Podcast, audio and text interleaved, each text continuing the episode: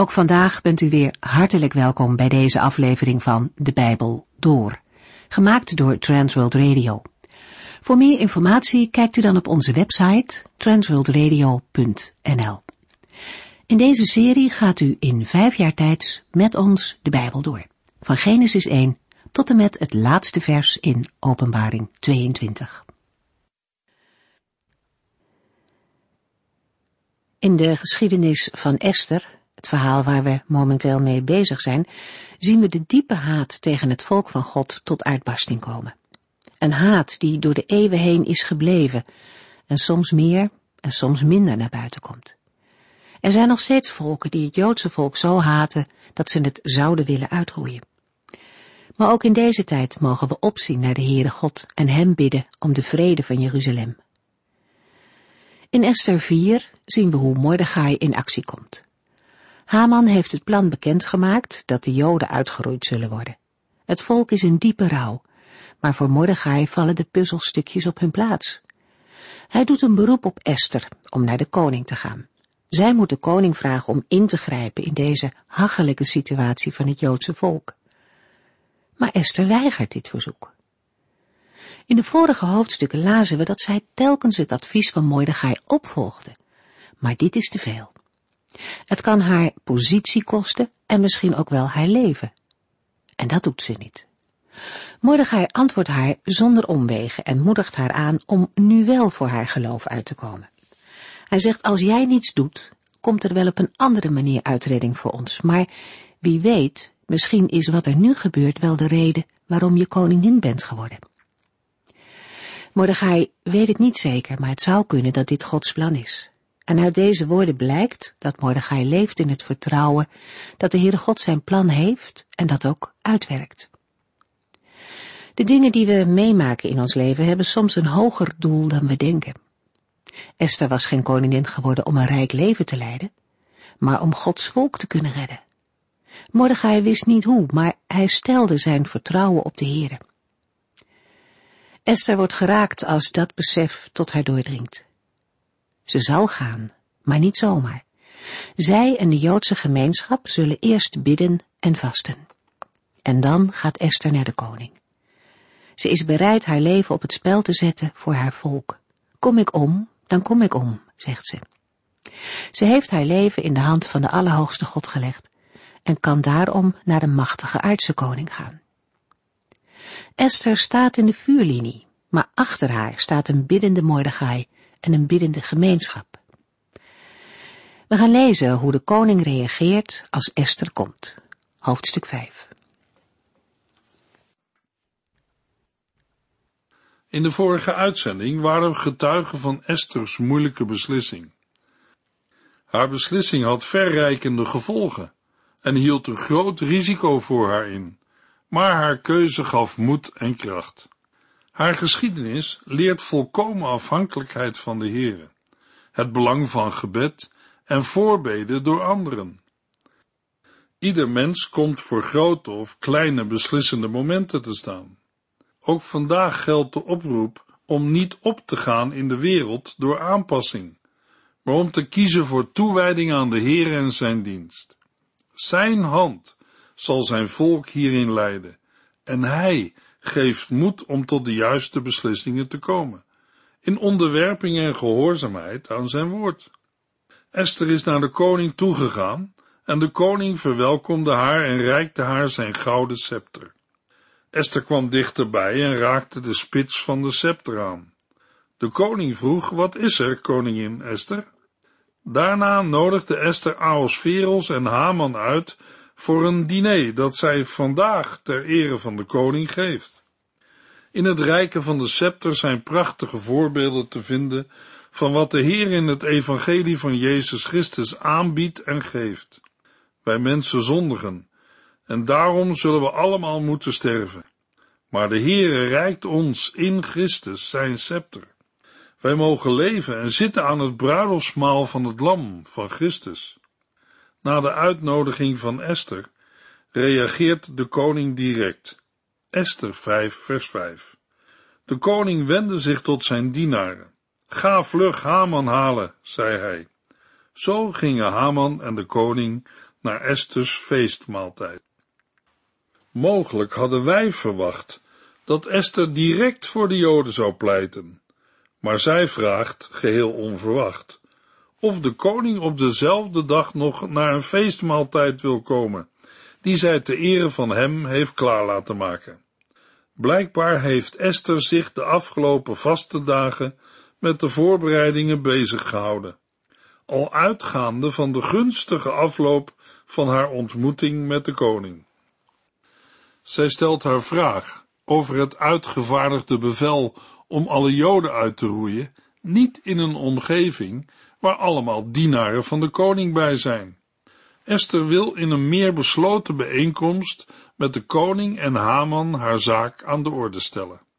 Zij verwoordt haar uitnodiging zo dat de koning de hoofdgenodigde is voor het diner. Gewillig stemt de koning in en gebiedt dat Haman met spoed moet komen. Zo gingen Haman en de koning naar Esters feestmaaltijd. Esther 5 vers 6 Nadat de wijn was ingeschonken, vroeg de koning aan Esther, zeg mij nu wat je wilt, en ik zal het je geven, al was het mijn halve koninkrijk. De koning verschijnt met zijn gunsteling Haman op het diner. Het lijkt van Esters kant een gewaagde onderneming Haman hierbij te betrekken. Kan zij Aosferos niet beter onder vier ogen spreken? Tijdens het drinken van de wijn vraagt de koning opnieuw, met bijna dezelfde bewoordingen, wat Esters verzoek is. Waarom is koning Aosferos zo toegeeflijk en geduldig met Esther? Ik weet het antwoord niet. Maar in de Bijbel lezen we in Spreuken 21 vers 1 Het hart van de koning ligt in de hand van de Heere. Als een waterloop kan het naar alle kanten worden gebogen, zodat de koning precies doet wat de Heere wil. De mensen die er zelf bij betrokken zijn, hebben het niet eens in de gaten. Maar de Heere stuurt Aosferos in zijn richting. De Heere gaat voorzien in een oplossing voor zijn volk. Als de wijn rondgaat, is mogelijk het meest gunstige moment om te reageren. Nu zal Esther Aosferos toch wel vragen het verschrikkelijke bevel om alle Joden uit te roeien te ontkrachten. Esther 5 vers 7 Zij, Esther, antwoordde, ik heb één verzoek. Het is mijn grootste wens dat als uw majesteit mij een gunst wil bewijzen en mijn verzoek wil inwilligen, u morgen weer met Haman naar mijn diner komt dat ik voor u klaarmaak. Dan zal ik uw vraag beantwoorden. Esters antwoord is weer onverwacht, want de koning en Haman worden voor een tweede banket of diner uitgenodigd. Laat Esther hier opnieuw een kans liggen? Is ze misschien bang geworden? Ik denk van niet. Esther stelt het nu zo voor dat de koning haar iets vraagt en niet zij.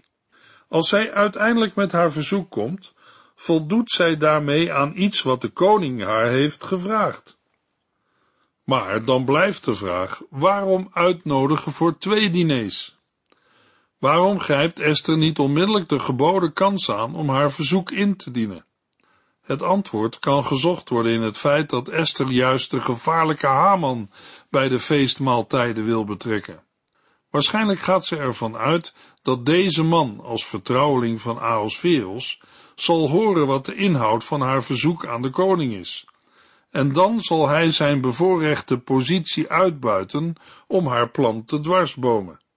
Zij rekent met de mogelijkheid dat Haman de koning zal manipuleren en zijn toezegging aan haar zal terugnemen. Dat probeert zij nu te voorkomen. Inmiddels is de spanning weer opgelopen, omdat de koning nu klem zit tussen twee niet met elkaar te verzoenen zaken.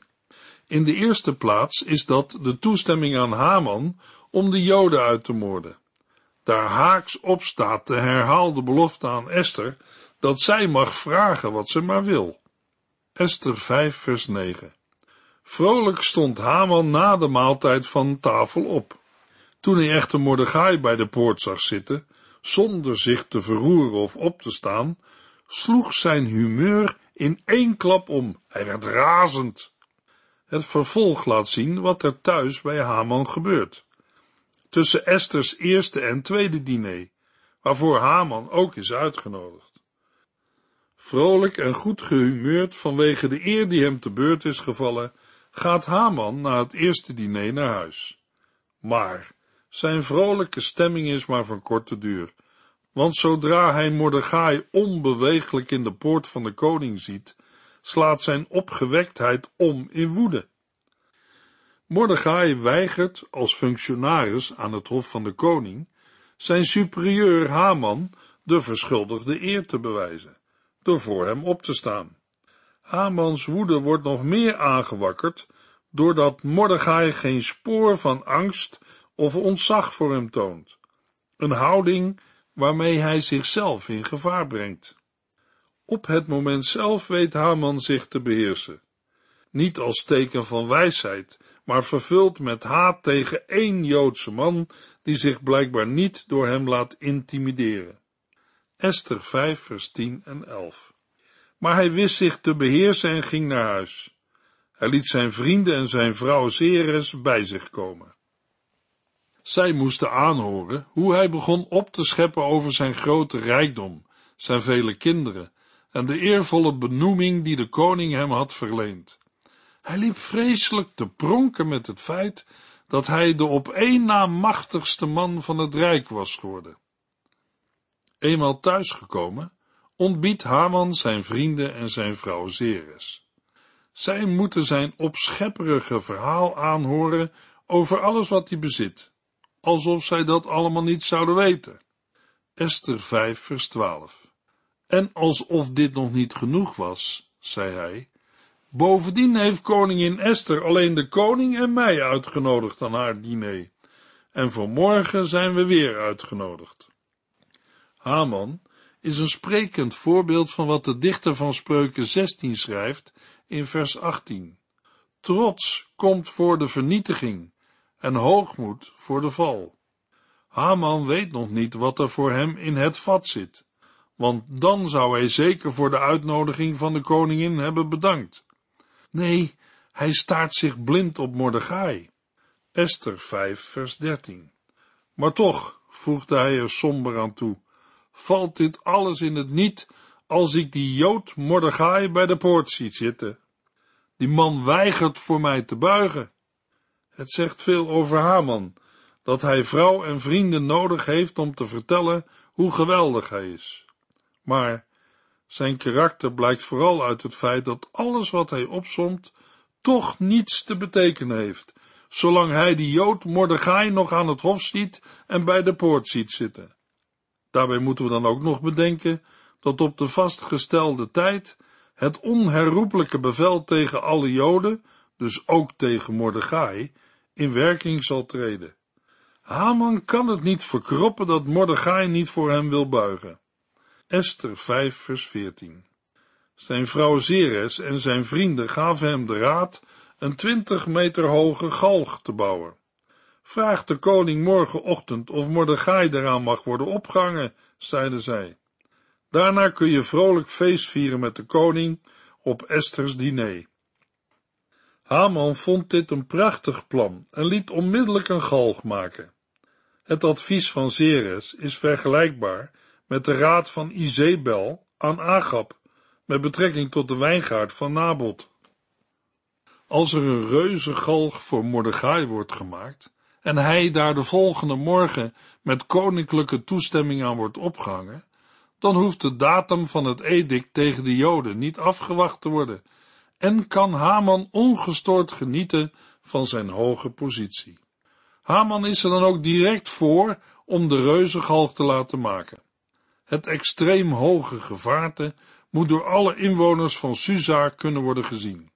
Het is een symbool van vernedering voor allen die het tegen Haman opnemen. Daarnaast is het ook een uitdrukking van Hamans eigen hoogmoed. Duidelijk toont hij zich hier een hoogmoedige dwaas op weg naar zijn ondergang. Hamans trotse houding en blinde haat leidden tot zijn val. In Spreuken 11, vers 27 en 28 lezen we, Wie het kwade doet, krijgt het op zijn eigen hoofd terug. Wie op zijn rijkdom vertrouwt, komt ten val. Esther 6 vers 1 Die nacht kon de koning niet in slaap komen. Daarom besloot hij zich wat te laten voorlezen. Hij vroeg om de jaarboeken met de geschiedenis van zijn koninkrijk. In hoofdstuk 6 wordt Esther niet genoemd en staan Mordechai en Haman centraal. Het begin van de omkering van het lot van de Joden tekent zich af door een snelle opeenvolging van een reeks onverwachte gebeurtenissen. Eerst is er de slapeloosheid van de koning. Daarna Hamans advies aan de koning en tot slot Mordechai's verering door de vernederde Haman. De beschreven gebeurtenissen spelen zich af tussen het eerste en tweede diner van Esther. Ze worden gekenmerkt door toevalligheden die met elkaar een bijzondere samenloop van omstandigheden vormen. Het verloop bestaat uit een aaneenschakeling van verzwijgingen, misverstanden en onjuiste veronderstellingen. Juist dat maakt Esther 6 tot het meest komische deel van het Bijbelboek. Toch is het geen gewone alledaagse humor, want er ligt een diepe ernst onder deze geschiedenis. De lezers en hoorders van deze geschiedenis worden geprikkeld de ware betekenis ervan te overdenken. En wat is die ware betekenis? Dat wij mensen moeten gaan ontdekken en ermee rekenen dat het Gods hand is die de gebeurtenissen bestuurt en bepaalt. Een schijnbaar onbelangrijke gebeurtenis vindt plaats in het paleis te Susa. De koning kan niet slapen. Daarom besloot hij zich wat te laten voorlezen en wordt de geschiedenis van zijn koninkrijk voorgelezen. De tijdsaanduiding die nacht markeert niet alleen het begin van een nieuwe gebeurtenis, maar verbindt ook met de gebeurtenissen van de vorige dag, toen Haman thuis, na Esther's eerste diner, van zijn vrouw en vrienden het advies kreeg om Mordechai te laten ombrengen. Opmerkelijk is dat volgens dit advies Haman eerst de galg moet laten maken en pas daarna toestemming aan de koning moet vragen om Mordechai te laten executeren. Dit betekent dat terwijl Ahasveros de slaap niet kan vatten, zijn vertrouweling Haman bezig is met plannen voor de executie van Mordechai. Maar de Heere heeft een heel ander plan. Esther 6, vers 2 en 3. Op een gegeven moment hoorde hij de passage waarin stond dat Mordechai een samenzwering had ontmaskerd van Bichtan en Teres, twee poortwachters van het paleis. Die twee hadden het plan beraamd de koning te vermoorden. Wat voor beloning hebben we Mordechai hiervoor gegeven? vroeg de koning zijn dienaren. Hij heeft nooit iets gekregen, antwoordde zij. De kroniek waarin de gedenkwaardigheden van het koninkrijk zijn opgeschreven, wordt voorgelezen. Of Aosferos hiermee de nachtelijke uren nuttig wil besteden, of hoopt op een slaapverwekkende uitwerking, valt niet te zeggen. Het is verbazingwekkend dat de dienaar precies de passage over Mordechai's optreden vindt en die voorleest. Aosferos hoort nu, meer dan vier jaar later, uit de kroniek, hoe Mordechai bekend heeft gemaakt dat twee dienaren hem wilden vermoorden. Dat brengt hem op de vraag naar Mordechai's beloning als erkenning voor zijn daad. Het negatieve antwoord van zijn dienaren bepaalt de koning bij zijn tekortkoming ten aanzien van Mordechai, die destijds zijn leven heeft gered. Perzische koningen stonden bekend om de beloningen die ze gaven. Aosferos wil dit onmiddellijk goedmaken en vraagt wie er in de voorhof is. Esther 6 vers 4 en 5 Wie is er op het ogenblik in de buitenste voorhof? vroeg de vorst. Nu was Haman juist de buitenste voorhof ingelopen. Hij was van plan de koning te vragen of hij Mordechai mocht ophangen aan de pas gebouwde galg. De dienaren antwoorden, Haman staat buiten te wachten. Laat hem binnenkomen, beval de koning. Heeft Aosferos in de buitenste voorhof iemand gezien? Of vraagt hij dit omdat er altijd, ook in de nachtelijke uren, een dienstdoende hoffunctionaris aanwezig is? Wel duidelijk is dat Haman daar toevallig in alle vroegte aanwezig is. Na deze mededeling wordt in vers 4 een tussenopmerking ingelast over het doel van Hamans vroege komst en zijn overtuiging Mordechai straks met koninklijke toestemming te kunnen laten ombrengen. Als dat is afgehandeld, kan hij vrolijk met de koning naar het tweede diner van Esther gaan. Onverwacht en op een ongebruikelijk uur verschijnt Haman aan het hof. Zo kunnen de dienaren de koning antwoorden met de aankondiging dat Haman in de voorhof staat, de plaats waar eerder Esther stond en toegang kreeg. Haman wordt meteen ontvangen, want hij komt zeer gelegen. Een ironisch contrast. Terwijl de haatdragende Haman de dood van Mordechai komt regelen, bedenkt de slapeloze koning een manier om de trouwe Mordechai eervol te belonen. De beschreven samenloop van omstandigheden en toevalligheden brengen een onverwachte ommekeer in de situatie tot stand. Ze zijn zo opvallend dat iedereen die het leest of hoort wel moet denken aan een verborgen leiding. Een gelovige herkent daarin de voorzienigheid en leiding van de Heere. Esther 6, vers 6. Toen Haman was binnengekomen, vroeg de koning, wat kan ik doen voor iemand aan wie ik graag eer wil bewijzen? Haman dacht bij zichzelf, aan wie anders zou de koning eer willen bewijzen dan aan mij? Vers 6 geeft de dialoog weer tussen de koning en zijn eerste minister Haman. Voor beide gesprekspartners is bepaalde informatie onbekend. Beide hebben een vraag betreffende de niet bij name genoemde Mordechai. De koning wil hem eervol belonen en Haman wil hem oneervol terechtstellen. Omdat Aosferos en Haman dit niet van elkaar weten, is de inhoud en strekking van hun gesprek alleen voor iemand die deze achtergrondinformatie kent, goed te begrijpen en te overzien. Juist deze situatie geeft aan de hele gebeurtenis een komisch en ironisch trekje. Aosferos vraagt de binnengeroepen Haman niet naar de reden van zijn vroege bezoek. Voordat Haman gelegenheid krijgt zijn vraag aan de koning te stellen, overvalt de koning hem met zijn eigen vraag. Wat kan ik doen voor iemand aan wie ik graag eer wil bewijzen? De vraag van de koning raakt Haman in het diepste van zijn trotse ego. En in dwaze hoogmoed denkt hij, zonder enige twijfel, dat deze vraag hem betreft. Haman dacht bij zichzelf, aan wie anders zou de koning eer willen bewijzen dan aan mij? De schrijver van het Bijbelboek Esther onderbreekt hier het gesprek tussen Aosferos en Haman om te laten zien dat het hart van Haman niet alleen vol haat is, maar ook overloopt van blindmakende trots. Hij zei in zijn hart, wie anders zou de koning eer willen bewijzen dan mij?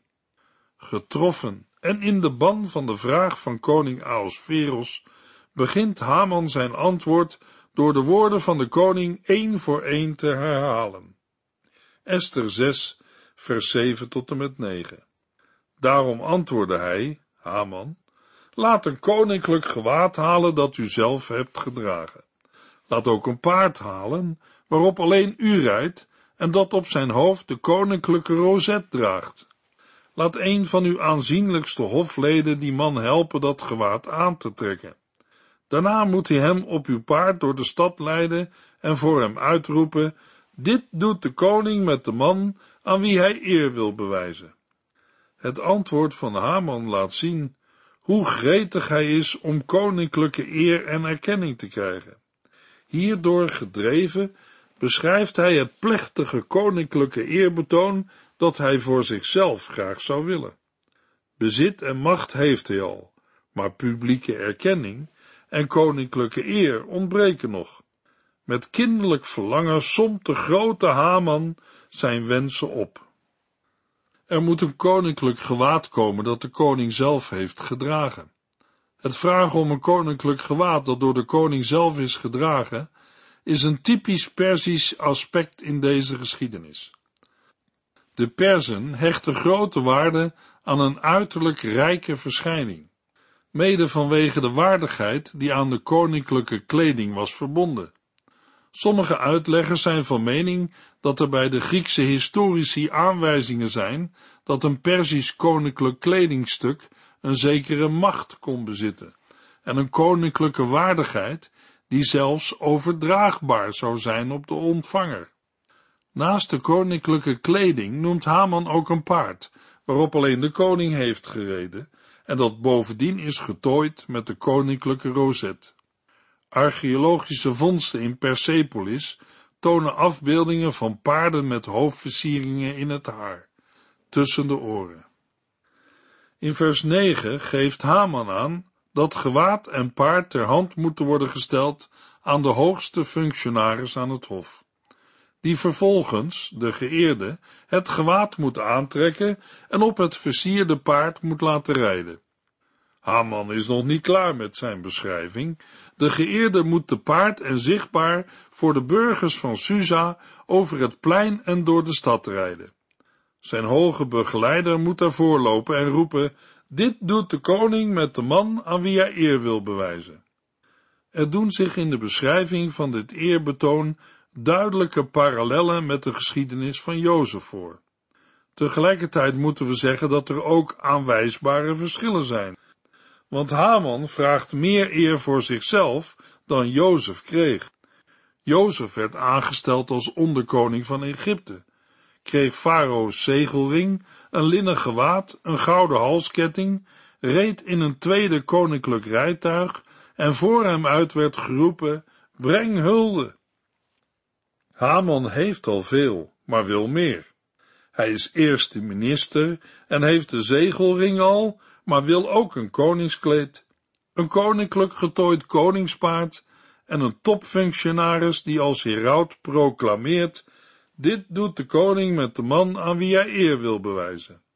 Haman beseft niet dat hij zelf als topfunctionaris de eerste is die in aanmerking komt voor de uitvoering. Hoe zal dit aflopen?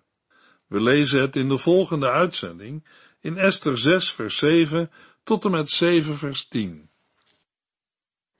U heeft geluisterd naar De Bijbel Door, in het Nederlands vertaald en bewerkt door Transworld Radio. Een programma waarin we in vijf jaar tijd de hele Bijbel doorgaan. Als u wilt reageren op deze uitzending of u heeft vragen, dan kunt u contact met ons opnemen. Tijdens kantooruren kunt u bellen op 0342 478432. 0342 478432. Ook kunt u een e-mail sturen naar de at transworldradio.nl en natuurlijk kunt u ook via de post ons bereiken. TWR, postbus 371, postcode 3770, AJ in Barneveld. Dit programma werd gepresenteerd door Cor Weda en Ike André. Techniek was in handen van Odin van Voerkom. En wij allemaal bedanken u voor het luisteren. Graag tot de volgende keer.